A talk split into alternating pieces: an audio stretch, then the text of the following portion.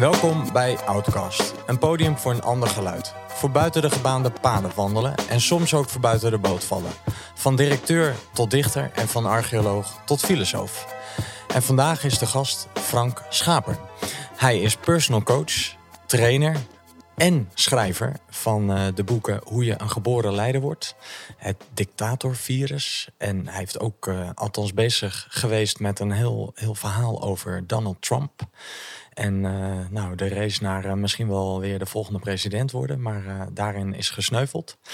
Um, en ook ooit de perfecte ronde bal ontworpen voor Nike of ik weet niet of het voor Nike was, maar je hebt wel de perfecte ronde bal ontworpen. En daarvoor veel leiderschapsrollen en functies vervuld bij uh, KLM. Um, ehm, nou, dat een beetje in een notendop. Frank, van harte welkom. Dankjewel. Ja. Leuk hier te zijn. Ja, heel erg leuk. Zo vlak voor de kerst treffen elkaar hier in de, in de herberg. Ja, precies. En, um, Mooie sfeer. Ja, heel erg leuk dat je hier uh, wilde zijn. Nou, je hebt natuurlijk muziek meegenomen. Dus dat, uh, ja, dat komt altijd terug in, uh, in Outcast. En um, ja, weet je, de, de reden om jou uit te nodigen, dat boek, Hoe je een geboren leider wordt, met Lucky Luke op de voorkant. Mm -hmm. Dat verscheen in 2009. Nou, wat mij betreft, uh, maar dat is natuurlijk een persoonlijke mening, had het toen het het managementboek van het jaar moeten worden. Maar dat heb je altijd met juryprijzen. Um, omdat ik zo bijzonder vond dat ja, je begint het boek eigenlijk met een tekening van je vader op zijn sterfbed. Mm -hmm. um, en, en, en dat je denkt, hey, die tekening die ik maak, die herinnert me ook aan iets anders. En dat je vervolgens de analogie gebruikt van strips of de, ja, de stripfiguren uit je jeugd die jou zo beïnvloed hebben. En in het begin heb je het ook over het begrip het onbewustwordingsproces het onbewustwordingsproces. Dus niet een bewustwordingsproces, maar een onbewustwordingsproces. Nou ja, ik was uh, als groot fan van strips in mijn uh, jeugd. En toen ik later ook zag dat je Prins Valiant uh, gebruikte, nou toen, toen was ik verkocht. Dus dat is mijn kennismaking met, uh, met jou geweest. En uh, eigenlijk ja, sinds die tijd je altijd blijven volgen. En maak ik veel gebruik van strips. En ben ik het ook veel meer weer gaan, gaan lezen, gaan herwaarderen. Mm. In plaats van uh, ja, dat ik dan een goed literatuurboek lees op de bank. Lees ik af en toe een strip en dan kijkt mijn vrouw me aan. Waar ben jij nou mee bezig? Maar dan denk ik, ja, hier zit onbewust heel veel in verstopt. Ja, helemaal mee eens. Ja. En, en, en misschien ook om even af te trappen, hoe, hoe is dat zo op jouw pad terechtgekomen? Was dat ook echt aan het sterfbed van jouw vader, dat het je toen trof? Van hey, er zit een soort gelijkenis in tussen hem en de strip Don Bosco. Mm, nou, dat ik die tekening toen maakte, dat was in 2000. Uh, in mijn jeugd heb ik heel veel getekend, al van jongs af aan. Ik was altijd heel visueel ingesteld en ik kon goed tekenen. En dus ook strips spraken mij onmiddellijk aan. Um, en misschien dat ik een ander leven wel striptekenaar was geworden eh, als mijn leven anders was gelopen. Dat zou zomaar kunnen. Uh, ik was de jongste van vier kinderen en er waren al strips in het, in het leven. Er waren al kuifjes. Uh, dat was toen echt wel een van de grote strips. Ik had twee oudere broers en een oudere zus. Dus ik weet eigenlijk niet anders dan dat er stripboeken waren. En dan, omdat ik enorm van tekeningen hield, uh, spraken strips mij veel meer aan dan gewone boeken, aanvankelijk. Um, en uh, ik keek, uh, toen ik wat ouder was, ik, ik, keek uit naar de pep die elke week kwam. En ik, ik had, was ook geabonneerd op de kuifje die elke week kwam. En en dan was het zo dat als we s'avonds zaten te eten, en, nou, dan zaten er eh, twee ouders en vier kinderen. En een van die kinderen die keek eigenlijk naar beneden op de grond, want daar had hij zijn pep neergelegd om te lezen. en terwijl die ander aan het praten was, zat ik mijn strips te lezen. En, en ik zat in alle verhalen, weet je. Ik leefde mee met die hoofdpersonen, ik vond het fantastisch. En dan als dan wat later uh, het boek uitkwam, hè, want eigenlijk in zo'n weekblad, ja, dan, dan maakt die tekenaar die maakt twee of vier pagina's voor het weekblad. En dan uh, moet hij weer door. En dan helemaal aan het eind, als alles al verschenen is, dan wordt het gebundeld tot een boek. En dan wat later was je ook, ja, kon je dan naar de winkel om het boek te kopen. En dan ging ik het boek kopen. En zo ontstond die stripverzameling. Maar wat ik me eigenlijk toen nooit gerealiseerd heb, is hoe een onbewuste impact uh, het, meeleven met striphelden. Het je identificeren met zo'n stripheld. Als bijvoorbeeld een Prins Valiant of een, of een Alex of een Kuifje. Wat ik me toen helemaal niet realiseerde, is dat je je onbewust identificeert ermee en dat je meeleeft in dat avontuur. Ehm, en dat dat vervolgens onderdeel uit gaat maken van je eigen software. Op een leeftijd waarin je nog helemaal gevormd wordt. Ja, waarin je nog redelijk een leeg blad bent. Ja, precies. Dus, ehm, en onbewust dat er ook nog mee ontstond, wat ik me ook pas veel later ben gaan realiseren. Uh, striphelden, tenminste de hoofdpersoon, die gaat nooit dood. Zo'n striptekenaar die, die, die, die stopt zijn alter ego in die strip. Die laat die stripfiguur allemaal avonturen beleven die hij eigenlijk zelf had willen beleven. Ik bedoel, Hergé van Kuifje, die, die heeft altijd op zijn tekenkamer gezeten. Maar Kuifje ging de hele wereld rond. Ja. En, uh, en, en, hetzelfde met de Suske en Wiske. Ja, en, zij durfde wat de auteur zelf niet durfde. ja, ja. Of, konden doen of wilden doen. Of, en het waren wat dat betreft... Uh, ja, aan het eind van het avontuur hadden ze het altijd opgelost. Ja. En hadden ze van alles beleefd. Um, dus onbewust beleefde ik ook al die avonturen mee en ging ik ook de hele wereld over. Uh, en was ik ook onsterfelijk. Want ja. Zij, zij waren ook onsterfelijk. Zij waren onsterfelijk. Ik bedoel, uh, ik realiseerde me op dat moment helemaal niet dat ze. Ja, dat ze, waren onsterfelijk omdat de striptekenaars eigenlijk broodwinning niet vermoorden. Ik bedoel, die stopt niet met. Die laat niet aan het eind van de avontuur zijn hoofdpersoon doodgaan. Want dan moet hij weer een nieuwe serie maken. Ja. Dus. Uh, maar onbewust zijn dat soort uh, dat soort voorbeelden die zijn in mijn software gaan zitten. En toen ik later bij de KLM uh, eh, leidinggevende werd, ja, toen heb ik eigenlijk onbewust een heleboel van mijn striphelden nagespeeld. Als, als leider. Heb, heb je daar een voorbeeld van? Ja, wat, wat ik wel een mooi voorbeeld vond is... ik was op een gegeven moment plaatsvervangend hoofdcabinepersoneel. Nou, dat was een afdeling bij de KLM met 7000 mensen... waar ik dan samen met hoofdleiding aan gaf. En, maar op een gegeven moment kwamen we wel tot een conclusie al heel snel dat er eigenlijk alles moest veranderen. Maar dat was bij zo'n grote afdeling eigenlijk niet te doen zonder dat samen met de ondernemingsraad te doen van de cabinepersoneel. Hè. Dat heette toen de groepscommissie. Uh, en ik kan me nog herinneren dat ik met, met een van de bepalende personen aan tafel zat. Ik zei, nou, weet je, ik, zei, ja, we zitten eigenlijk op, op een. Je, je kan je voorstellen, we zitten op een zinkend eiland en, en, uh, en we moeten gewoon een ander eiland zoeken, want dat gaat op deze manier niet, niet langer. Dus ja, weet je, uh, ik, ik, ik, stap zo op een schip en dan moeten we uiteindelijk allemaal op. En ik nodigde die, die groepscommissie uit om met mij op dat schip samen die koers te gaan bepalen. Um, maar dat, dat dan geven ze en de mogelijkheid om die visie en die koers te bepalen, maar ook wel de verantwoordelijkheid om dan de mensen mee te krijgen daarin.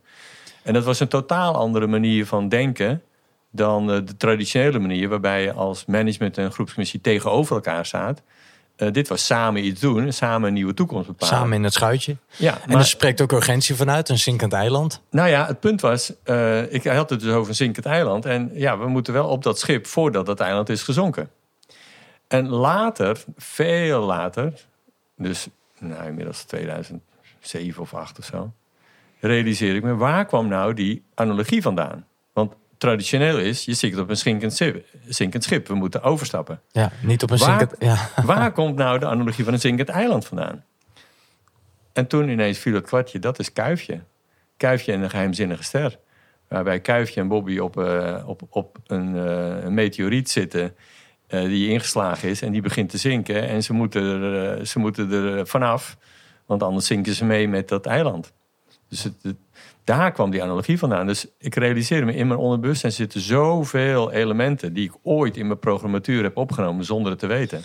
En zo zijn er nog tientallen andere voorbeelden. Ja, nee, wat in, in dat boek, hey, hoe je een geboren leider wordt, zeg je, ja, we worden eigenlijk helemaal niet geboren als leiders, maar gewoon geboren als volgers. Ja. Dus dat klinkt wel zo stoer en zo daadkrachtig. Ja. Maar uh, ja, we hebben gewoon voortdurend uh, mensen gevolgd. En niet alleen maar levende rolmodellen. Ja. Als ouders en uh, grootouders. Precies. En, het zijn levende personen, of het zijn personages, of het zijn legendes, of, of, ja. ja in, of, of filmhelden, of wat dan ook. Van het kan van alles zijn.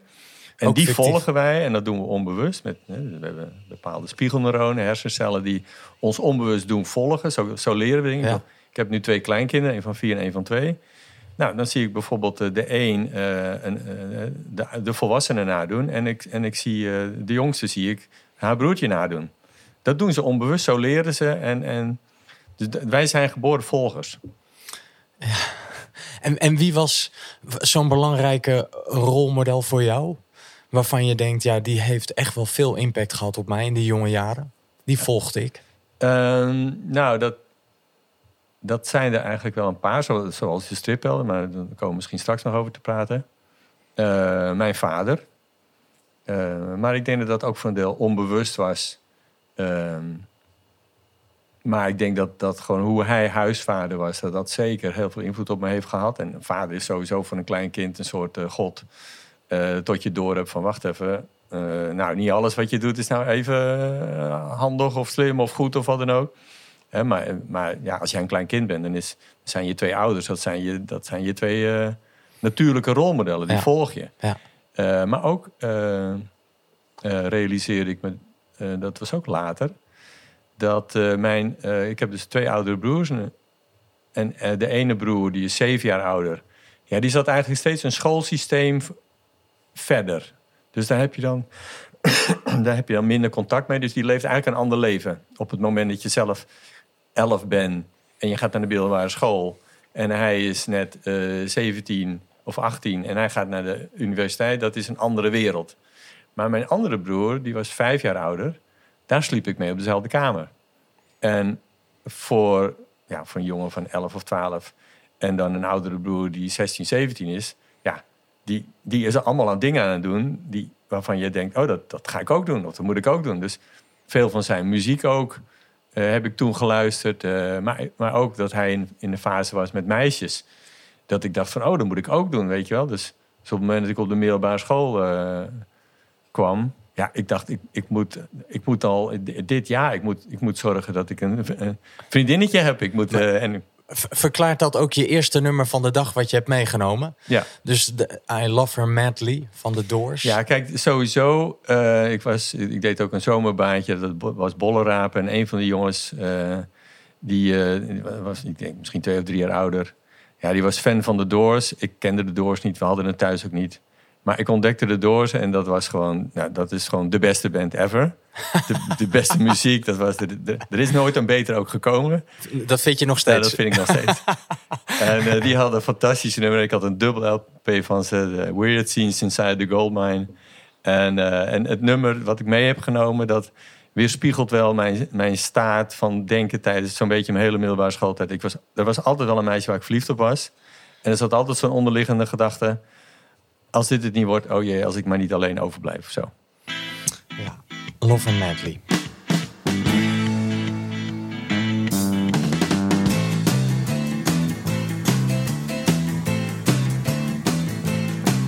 Don't you love her madly? Don't you need her badly? Don't you love her ways? Tell me what you say.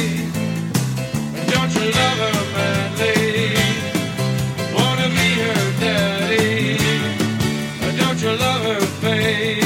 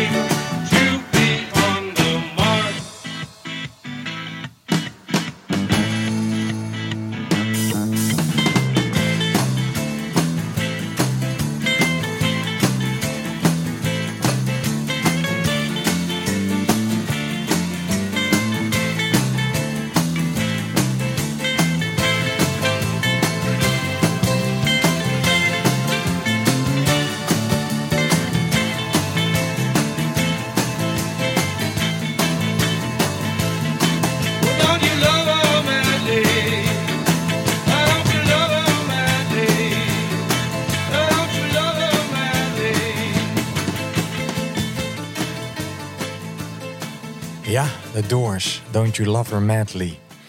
Ja. Ja.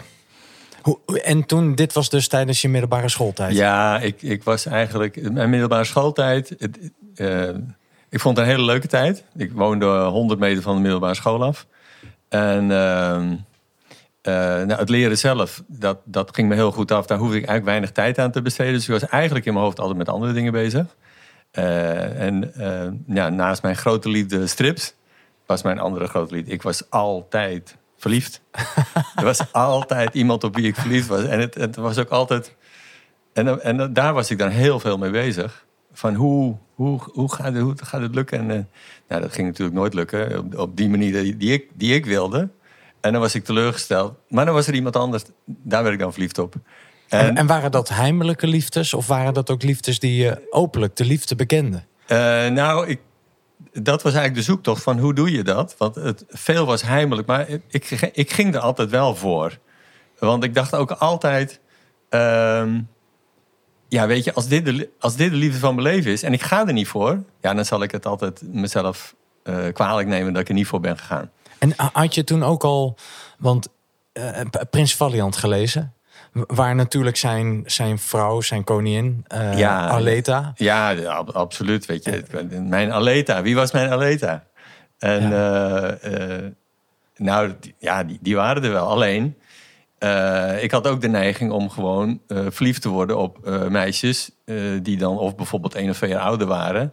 En zelf, die zelf keken naar jongens die weer één of twee jaar ouder dan hun waren. Ja. Of dan, dan hen waren. Dus die, die waren totaal niet in mij geïnteresseerd. Nee. En ik was dan ook nog relatief klein voor mijn leeftijd. En op 13, 14-jarige leeftijd. Uh, meisjes groeien, die lopen dan toch een paar jaar voorop. Fysiek. Ook qua fysieke ontwikkeling en zo. Dus Ja. die zijn helemaal niet geïnteresseerd in, in jongens van lagere klasse of zo. Nee, want dat ziet er gewoon nee, dat ziet er niet uit. Zo'n jonge En- broertje ben je dan. Terwijl ik mentaal, eh, ja, mentaal was ik eh, 18, eh, 19 eh, in, in mijn hoofd, weet je wel. Dus ik, ik begreep ook niet, waarom zien ze mij? Zie- zien ze dan niet Nee. dat ze met mij zo'n mooie toekomst zou kunnen Nou ja, dus, dus als middelbare, school, eh, middelbare scholier, eh, dat, het, het was een hele eh, leuke tijd, maar het was ook Frustrerend. frustrerend en ik begreep het ook niet. Ik dacht, waarom dit? Ja. Maar ik vond het altijd eigenlijk, als het dan niks werd, dan, vond ik het, dan kon ik mezelf altijd wel verzoenen met eh, ja, jouw verlies. Weet je? Ja. Eh, Ja. En uiteindelijk in al die jaren, ja, de liefde van mijn leven heeft er nooit tussen gezeten. Nee. Want die zou ik pas later tegenkomen. En dat, was niet een, dat was niet een blonde Aleta, dat was meer Winona, de, de vrouw van Erik de Noorman. Ja. Eh, een, een vrouw uit Suriname, waar ik eh, helemaal verliefd op werd. En, Hoe oud was eh, je toen? toen was ik, eh, ik was toen al, eh, ik studeerde, ik was, nou, ik was al een jaar in Amerika geweest, eh, waar ik had gewerkt bij McDonnell Douglas. Ik kwam terug en toen ging ik naar een, eh, een trouwfeest. En eh, ja, de enige die ik kende daar was de bruid, maar ja, daar praat je dan niet zoveel mee op, juist op die avond. Nee. Verder kende ik niemand, maar, eh, maar ik leerde er wel iemand kennen en daar, werd- daar, daar werd ik helemaal verliefd op. En dat was een, eh, ja, een, een meisje, een vrouw, en wat was ze? Ik denk 21, 20, 21, uit Suriname.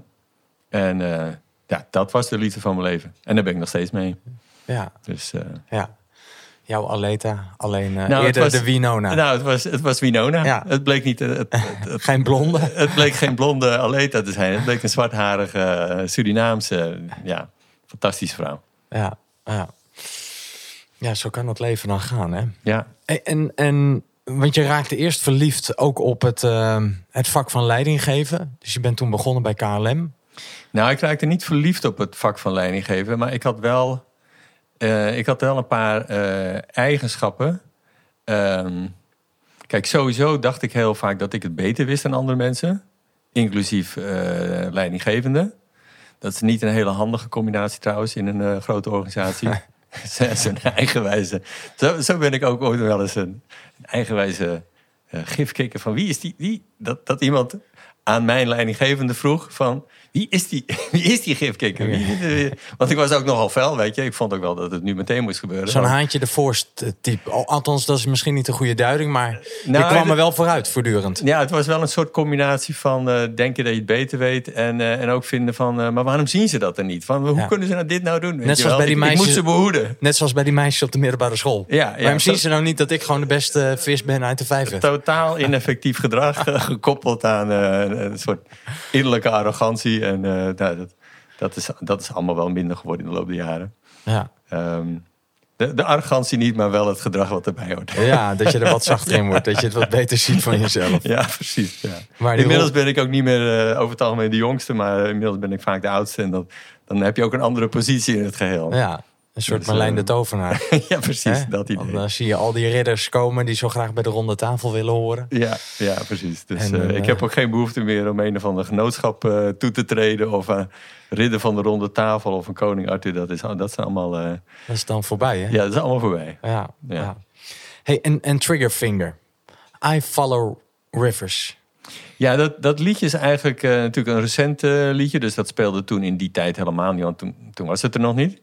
Maar ik vind wel dat het liedje mooi beschrijft uh, uh, onze neiging om te volgen, anderen te volgen. Gewoon met heel je, je ziel en zaligheid of te volgen. Je ziet het voorbeeld. Hè, dus rolmodellen zijn echt wel een thema geworden die ik me later ben gaan realiseren. Nou, bijvoorbeeld aan de hand van die tekening die ik toen van mijn vader had gemaakt.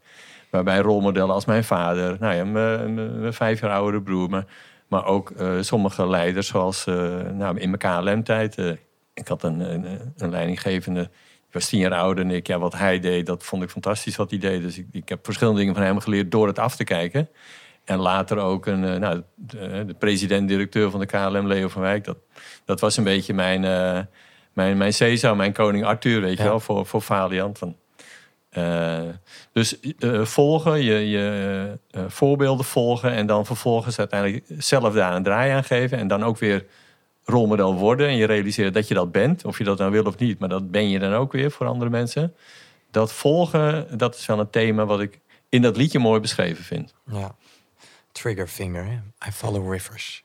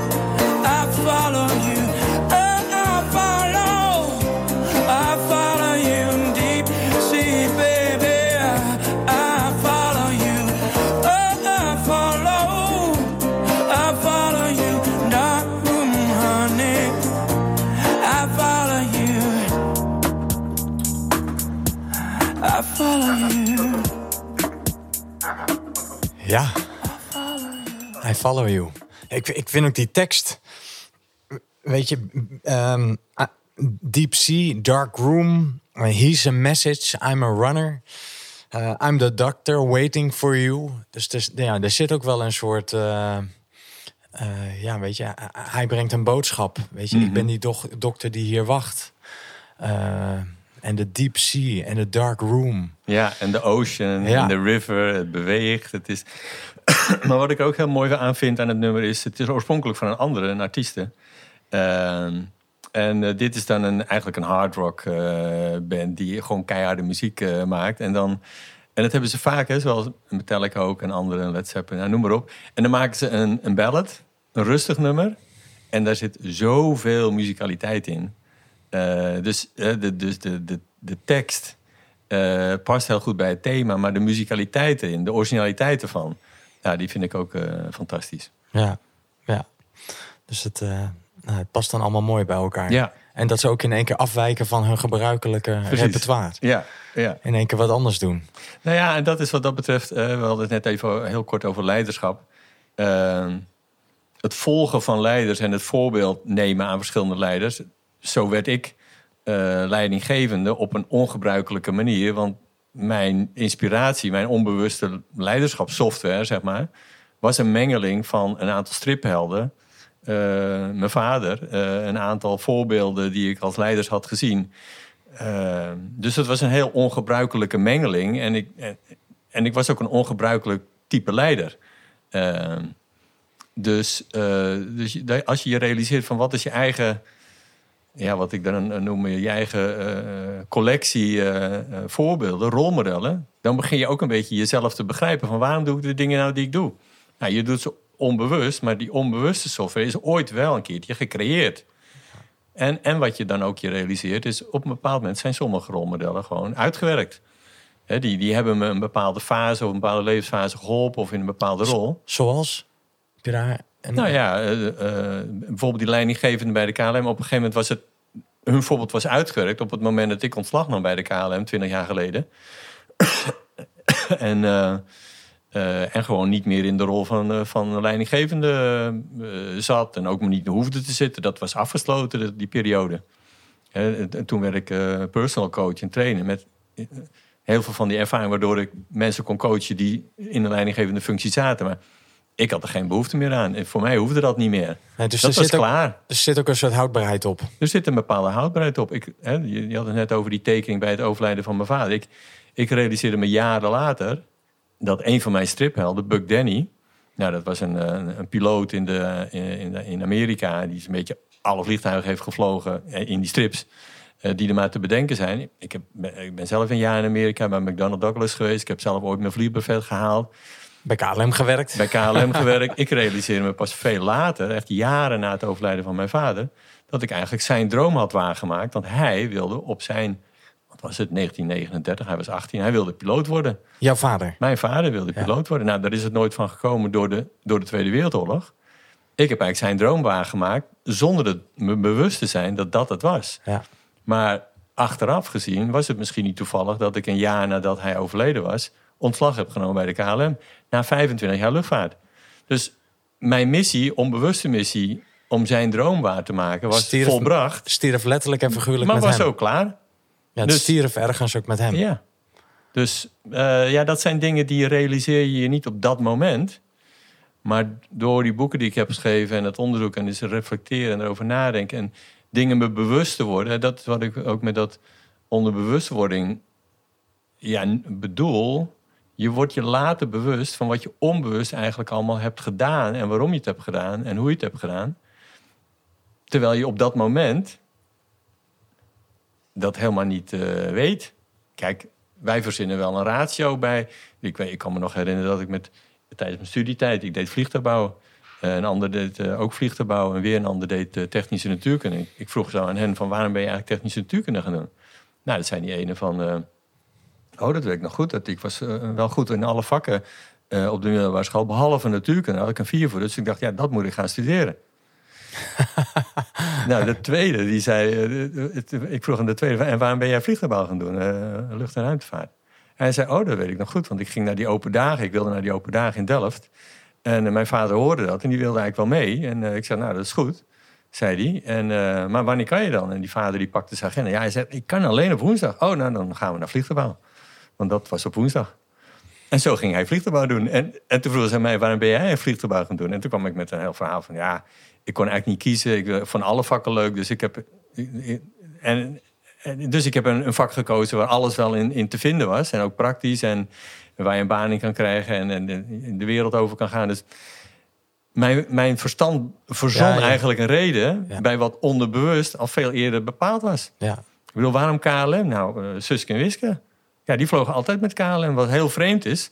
Want het is een Belgische strip, dus waarom vlogen ze niet met Sabena? Ja, en dat was toch omdat Willy van der Steen ook een keer is uitgenodigd door KLM? Die was een keer uitgenodigd bij een, een, een, een paar dagen voor, waarbij ze allemaal striptekenaars hadden uitgenodigd. en helemaal hadden laten zien in Schiphol. En aan het eind uh, zeiden we, nou, ik hoop dat we hier iets van terugzien. Uh, oh, hier, kijk, een commerciële deal. Ja, we zijn natuurlijk heel slim van de KLM. Wat ze niet wisten is dat ze op dat moment eigenlijk mij gerecruiteerd hebben voor de KLM via Suske. Ja, dus op die manier ben jij... Dus, uh... en, en achteraf, kijk, ik kan het allemaal niet bewijzen, maar het, het zijn wel van die stipjes die dan bij elkaar komen, waar je met een paar lijntjes wel een, een een verhaal in ontdekt waarbij je zegt: ja, dit, het, er zit iets te veel toevalligheid in het verhaal. Het, is, het werkt anders. Ons onderbewustzijn stuurt ons bepaalde dingen, maar het onderbewustzijn wordt wel gevoed. Ja, ja. vandaar ook die, ja, die term, hè, dat onbewustwordingsproces. Ja. Dat je langzaam laat je eigenlijk het zeewater zakken en komt het wrak van het schip steeds meer uh, ja. droog te liggen of bloot te liggen. Dat je denkt: hé, hey, verrekt. Ja. Dat zou ook zomaar eens een keer uh, op mijn pad uh, terecht kunnen hebben gekomen. Ja. ja. Ik denk ook meteen gewoon terug. Want dat heb ik. Toen we elkaar een tijdje geleden spraken, toen stelde je me ook die vraag over de telefoon. Hè? Wie, wie was nou jouw Cesar? En jij refereerde natuurlijk aan Alex. Mm Want mhm. dan, Alex gaat natuurlijk zo'n jonge held. die zijn ouders volgens mij uh, nou, niet meer heeft. En Cesar wordt een soort surrogaatvader voor hem. Ja. En zijn vriend ook. Ja, die hem onder zijn hoede neemt, die zijn grote voorbeeld wordt. En, ja, uh, laat hem ook niet in de steek. En de missies die Caesar geeft, nou, die, uh, die volgt hij op. Terwijl ik zei, ja, ik heb Alex nooit gelezen. Dat is pas de laatste jaren op mijn pad gekomen. Bij mij was het Prins Valiant. Dus toen zei hij, ja, wie was dan jouw koning Arthur? Precies. Dus nou, toen, uh, ja, dan, dan ga je in één keer in je hoofd rond. En dan denk je, oh ja. Ja, ja dat, want wie was jouw koning Arthur in die fase? Nou, in die fase, ik denk, uh, ja, André de Waal. Mm dat was mijn afstudeerbegeleider aan de Vrije Universiteit. En dat, dat, was, dat waren wel twee jaren, want ik heb eerst de HEO gedaan en daarvoor de MAVO, de HAVO. Dus ik was zo'n stapelaar. En op de VU ja, begon het vuur bij mij wel echt te branden voor het vak van adviseur. En ook wel voor um, nou, het, het kijken naar organisaties en de dynamiek erin. En André, ja, die had toen ik weet niet of hij toen al had, maar volgens mij aan het einde van mijn studietijd had hij de heilige graal van het management gevonden. Zo zei hij dat ook letterlijk tegen mij. Over uh, nou, de factoren die uh, nou, een directe relatie hadden met succesvolle bedrijven. Mm -hmm. Ja, dat. Ja, en, en hij was mijn afstudeerbegeleider. En uh, ja, hij wakkerde het vuurtje ook bij me aan om ja, goed te presteren.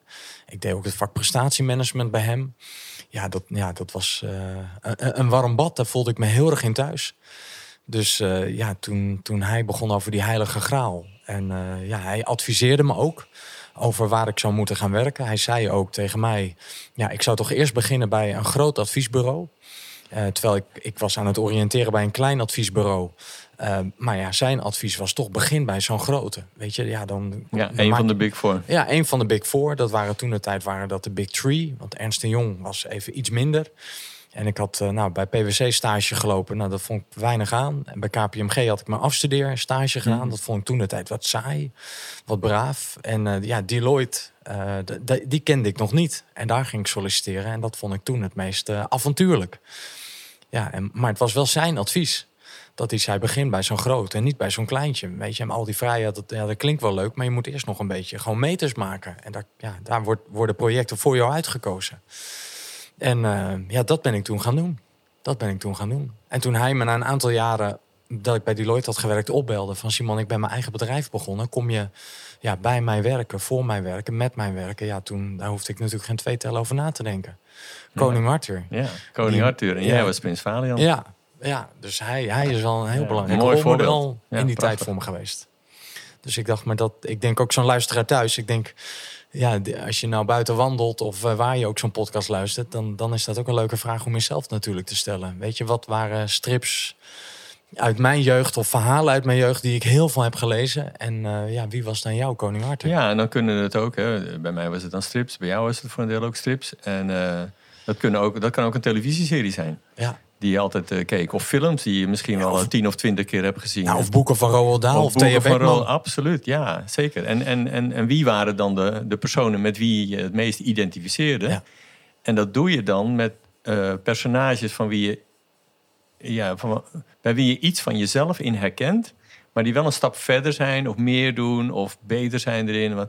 Waardoor ze ook een soort uh, trekkende werking hebben, zo'n soort voorbeeldfunctie voor je hebben. Maar je moet, de randvoorwaarde is, je moet iets van jezelf erin herkennen.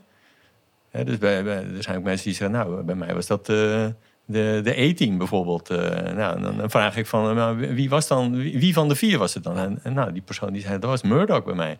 En toen dacht ik, Murdoch, help me even. Nou, dat was die psychiatrische figuur die, die aan het begin dingen. van het avontuur altijd bevrijd moest worden.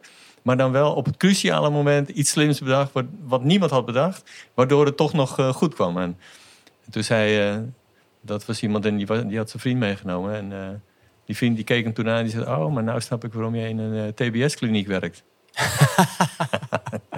nou, hey, um, het derde nummer van de dag. Mm -hmm. One van Mary G. Blige en U2. Ja, dat, dat, nummer heb ik om twee redenen meegenomen. De, de ene reden is eh, er is een mooie documentaire over eh, U2. Waarin, eh, waarin ze vertellen dat ze op een gegeven moment na een Amerikaanse avontuur kwamen ze. Nou, toen wilden ze weer gewoon wel terug naar de basis. En toen wilden ze dat doen in een studio in Berlijn. Want daar had David Bowie ook een paar anderen hadden daar nummers opgenomen, albums opgenomen. En zij wilden ook iets, iets moois. En, ehm, en toen was er. Toen merkten ze eigenlijk dat de chemie er niet meer was. Tussen hen niet? Tussen hen niet. Het, het, het ging niet de, de, oude manier van opnemen ging ook niet meer. En na een paar dagen begonnen ze een beetje de moed te verliezen. We zitten hier, maar er komt niks. Er is niks. Het, lukt niet meer. Moeten we misschien uit elkaar gaan? Is dit misschien het einde van de band? We zijn al zo lang bij elkaar. Is. Maar ze bleven toch, ondanks alles. En dan was er op een bepaald moment... begon Bono met een bepaalde tekst. En een van die, uh, ik geloof de drummer, die begon hem te volgen. En toen kwam de edge bij. En langzaam ontstond een nummer wat eigenlijk, ik vind het hun mooiste nummer. Ehm, eh, en dat nummer ontstond en dat was One. Ehm, maar om het nog wat mooier te maken, en dat is de reden ook waarom ik het niet alleen van. Het op het moment dat het oude niet meer werkt, maar het nieuwe dient zich nog niet aan, is een soort niemandsland. Uh, en dan is het vooral niet wanhopen, vertrouwen erop, er komt iets. En misschien is dat wel mooier dan wat je ooit gemaakt hebt. Dat is One, als het in, in hun band bestaan is. Maar toen werd het eigenlijk nog mooier, een nog mooier uitvoering, is toen ze Mary J. Blige uitnodigde om het mee te zingen met Bono. En, en dat is eigenlijk de ster van het nummer in het zingen. Uh, en dat vond ik ook mooi samengaan, want in mijn leven, mijn Winona, Carol uit Suriname, uh, die heeft gewoon een heel ja, een nieuwe dimensie toegevoegd. De hele Surinaamse cultuur, het, het, het, het, het, bijzondere, het, het, mengen van, van twee totaal verschillende karakters, culturen. Daar ontstaat het iets moois uit. Dus dat vind ik toekomstgericht ook een hele mooi nummer. Uh, ja, dit is waar onze toekomst naartoe gaat.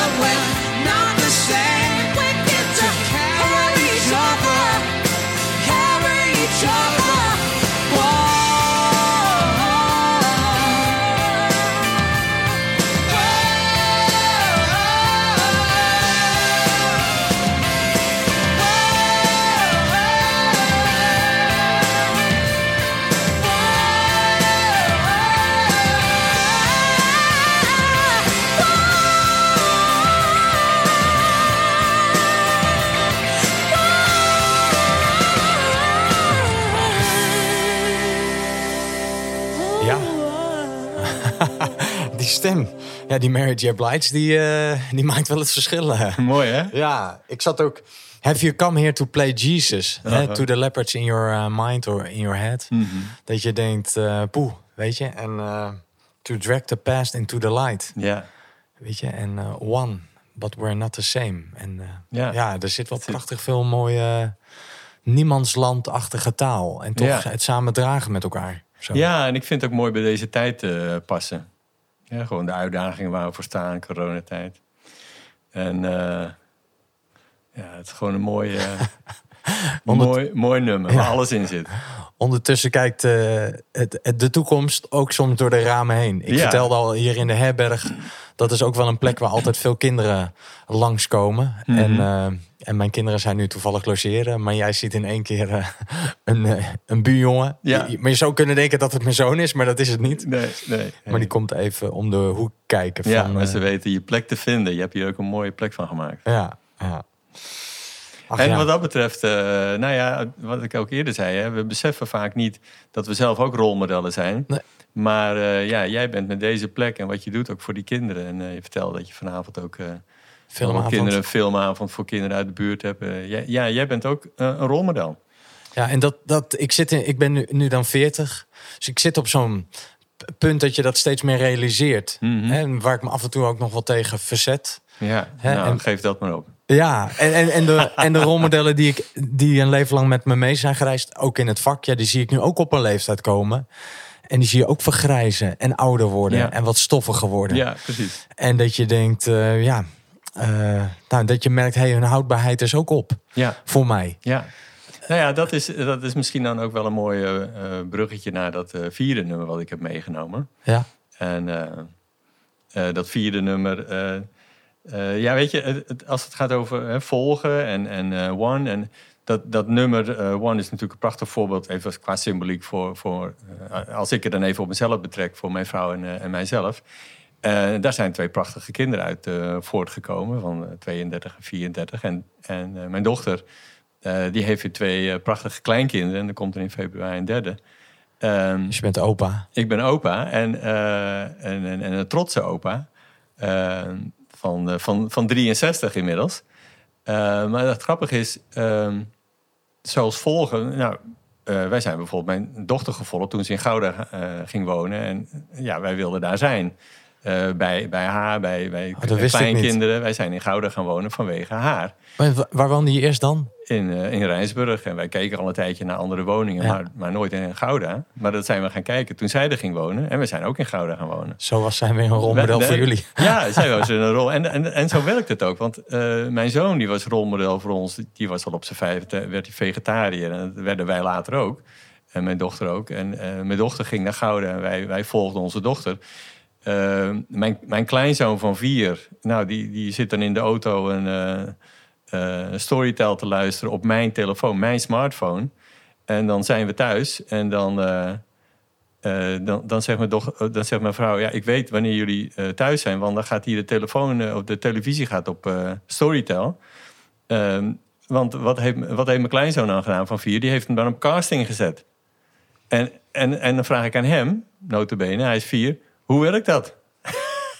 dus op een bepaald moment draai je ook de rollen om van wie ga je nou volgen? Nou, je volgt op een gegeven moment ook de jongere generatie die gewoon verder zijn op punten waar, waar ik dan achterloop. Dus En zelf ben je dan ook weer ergens kind. absoluut. absoluut. je, ben je zelf weer klein. je bent altijd lerend. Je, bent Ja. altijd, je blijft je hele leven volgend Ja, als je durft. ja. Als, je, als je stopt met leren, als je stopt met. eh, er was een, een, eh, een, een eh, Amerikaanse eh, presentator en die, die, die had een paar verhalen gehad, jaren geleden, waar ik veel aan had. Maar ik zocht nog eens een filmpje van waar hij zegt: eh, Je bent pas echt oud als je meer met het verleden bezig bent dan met de toekomst. En, eh, en, en het, het grappige was, en dat is dan een beetje ook een bruggetje naar dat, dat laatste nummer wat ik heb meegenomen. Eh, ik ben geboren in 1958. En dat is een, dat is een mooie lichting, vind ik zelf. Want in 1958 is ook Prince geboren. In dat eh, rijtje schaar je En, natuurlijk. en Michael Jackson. Ik ben op 25 april jarig. Ik associeer dat altijd met Johan Cruijff is op die dag ook jarig. Volstrekt terecht. Ja, en volgens Volstrekt mij terecht. Alexander de Grote ook. Dus ik Volgens- zeg, nou, in dat rijtje hoor ik natuurlijk Nee, ook thuis. Ja, maar zo is het ook. Zo is het ook. ja. En, en, en, en eh, dus eh, Prince, Michael Jackson en Madonna.